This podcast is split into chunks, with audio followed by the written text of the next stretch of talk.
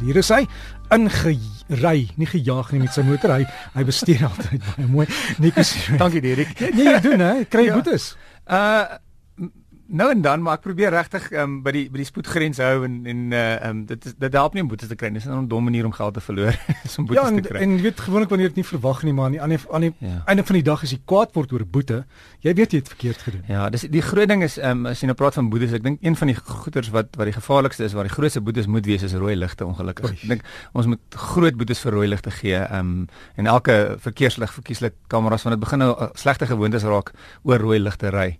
Ehm um, so dit kruisings met met, met verkeersligte begin nou baie gevaarlik raak wat baie sleg is. Ja, ek vind ook as ek as ek self ry en ek sien my lig is groen, ek vertrou hom nie heeltemal nie. Ja, nee, dis kyk kyk links kyk links regs en dan gaan jy. En mense langs my doen dit nie. Hulle ja. ry net, hulle vertrou daai groen lig. En sê net maar daar's 'n fout op die verkeerslig, wat dan? Ja, en die ding is mense ja, met, uh, oranje en rooi voel hom partymal 'n bietjie groen vir mense so. Rooi is jy amper stop. ja, nee, dis reg, asseblief vat dit rustig op die paai, maar hmm. hy het laas ek vir jou huiswerk gegee. Ek ek's nou skieurig om te weet wat het nou teruggekom. Ehm um, so ehm um, jou vraag was wat beïnvloed ehm um, jou voertuig se tweedehandse ware of watter kar is die beste om te koop? Ehm um, Die die belangrikste ding natuurlik aan die einde van die dag is jy moet die voertuig ry en jy moet gelukkig wees met die voertuig. Ja. Ruk gelede het het 'n vrou vir my gevra sy het twee karre gehad om na waarna waarna sy gekyk het. Sy het kyk na 'n Nissan Qashqai of 'n Fiat 500 XL.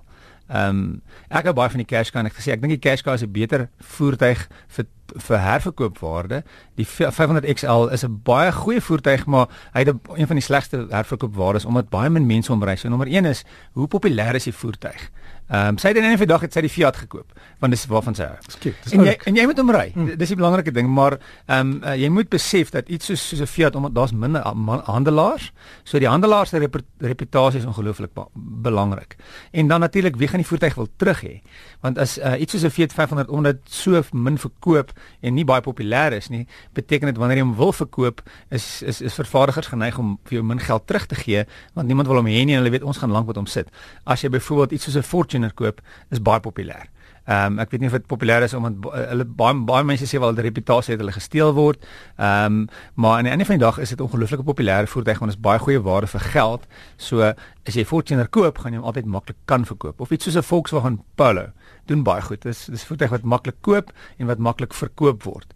Ehm um, die volgende ding is die model se leeftyd het, het ook nog al 'n invloed. Ehm um, as die voertuig aan die einde van sy leeftyd is daar 'n nuwe een op pad of baie maal praat ons van 'n van 'n in Engels praat hulle van 'n facelift. So halfpad deur die leeftyd van die voertuig dan dan verander 'n bietjie die ligte en en en hoe die voertuig lyk. Um, miskien is daar nuwe engines beskikbaar. Uh, en gewoonlik voertuie wat 'n langer leeftyd het, met ander woorde ehm um, party vervaardigers se voertuie elke 6 jaar is dan nuwe een, party vervaardigers vir al die Duitsers miskien elke 8 jaar is dan nuwe een. En die voertuie met lang leeftye dit help nogal met die herverkoopwaarde van die voertuig as die leeftyd langer is. Uh natuurlik ook vervaardigers, alhoewel die vervaardiger 'n goeie reputasie het, beteken dit nie noodwendig al die ver, ver, vervaardigers se voertuie is goed nie. So uh, as ons sê Toyota, kom ons nou weer weer 'n voorbeeld Toyota het 'n goeie reputasie, beteken nie elke liewe Toyota wat jy koop, gaan jy weer 'n goeie waarde vir voor terugkry nie. Maar gewoonlik die voertuie wat meer verkoop, is voertuie wat jy makliker dan kan terugkry. Leer is nogal interessant en as, as die voertuie leer het, is dit help dit nogal om die voertuig meer populêr te maak, die herverkoopwaarde. En natuurlik baie mense koop klere wat in die mode is wat nie 'n goeie idee is nie. So 'n uh, uh, voertuig uh, vervaardiger sê maar 'n nuwe voertuig en die voertuig wat hulle gebruik in hulle in advertensies is is sê maar byvoorbeeld oranje.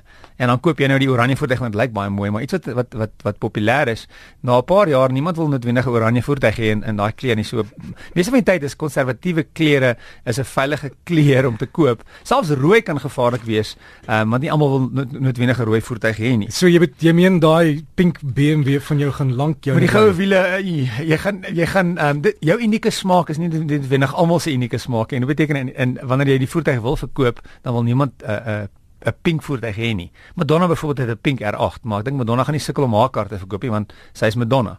Ehm um, as ek voertuig uit 'n diensplan uit is, is dit ook gewoonlik ehm um, ehm um, diens of onderhoudsplan kan ook die waarde van die voertuig beïnvloed. Ehm um, so solank die voertuig nog redelike tyd het oor in die diensplan, is dit makliker om hom terug te ruil.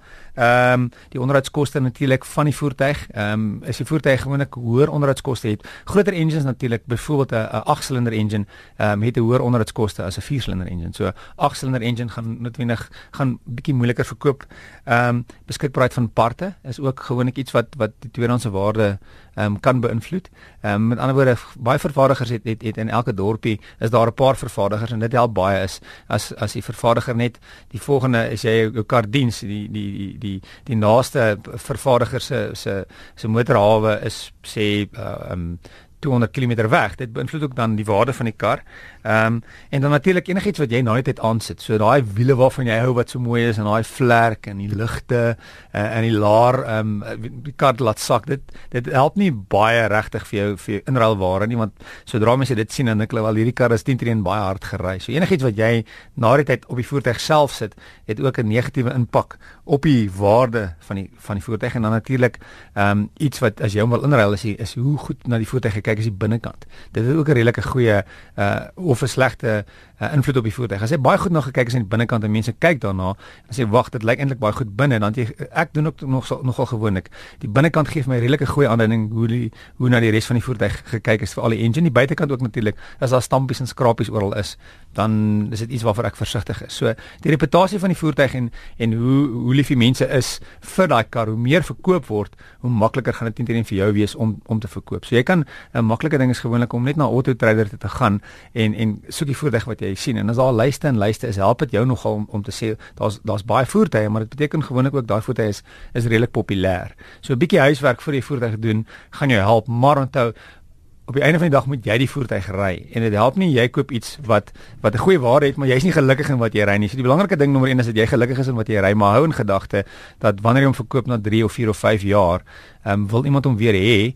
Ehm um, want as dit nie die geval is nie, kan jy nogal redelik baie verloor. Jy gaan in 'n geval redelik baie op 'n voertuig verloor, maar jy voel dit ook byvoorbeeld as jy 'n miljoen rand kar koop ehm um, teenoor 'n 300 000 rand kar. Ehm um, die, die persentasie is moontlik baie dieselfde, maar die, die omdat die dit ewesklik 500 000 rand is teenoor sê 150 000 rand, dan voel dit baie meer, jy voel dit baie meer in jou sak.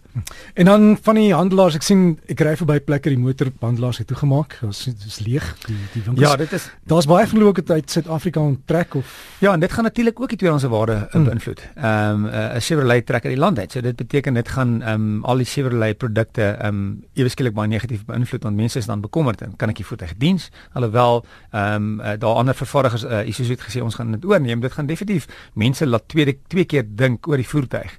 So dit dan maak dit nie regtig saak of die voertuig goed of sleg is nie, maar dadelik in jou agterkop dink jy wel wat gaan gebeur? Hoe hoeveel gaan die parte kos na 'n paar jaar? Dit gaan dit beïnvloed. So dit is goeders ook wat dan dit negatief beïnvloed. Uh die rentekoers wat nou 'n bietjie beter is, het nou 'n bietjie mense bietjie meer positief gemaak. So dit gaan dalk bietjie die verkope help, maar dit is 'n baie moeilike tyd in die mark nou vir vir vir karverkope.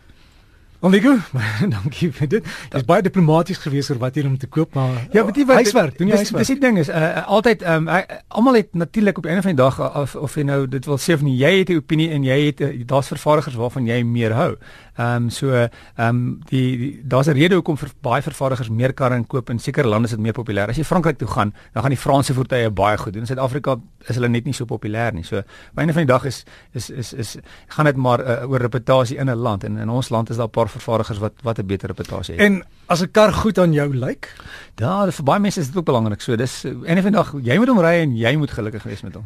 So gesels dan met Nico Smit en ons wieleprogram hier op RSG. Volgende week is hy weer op sy plek.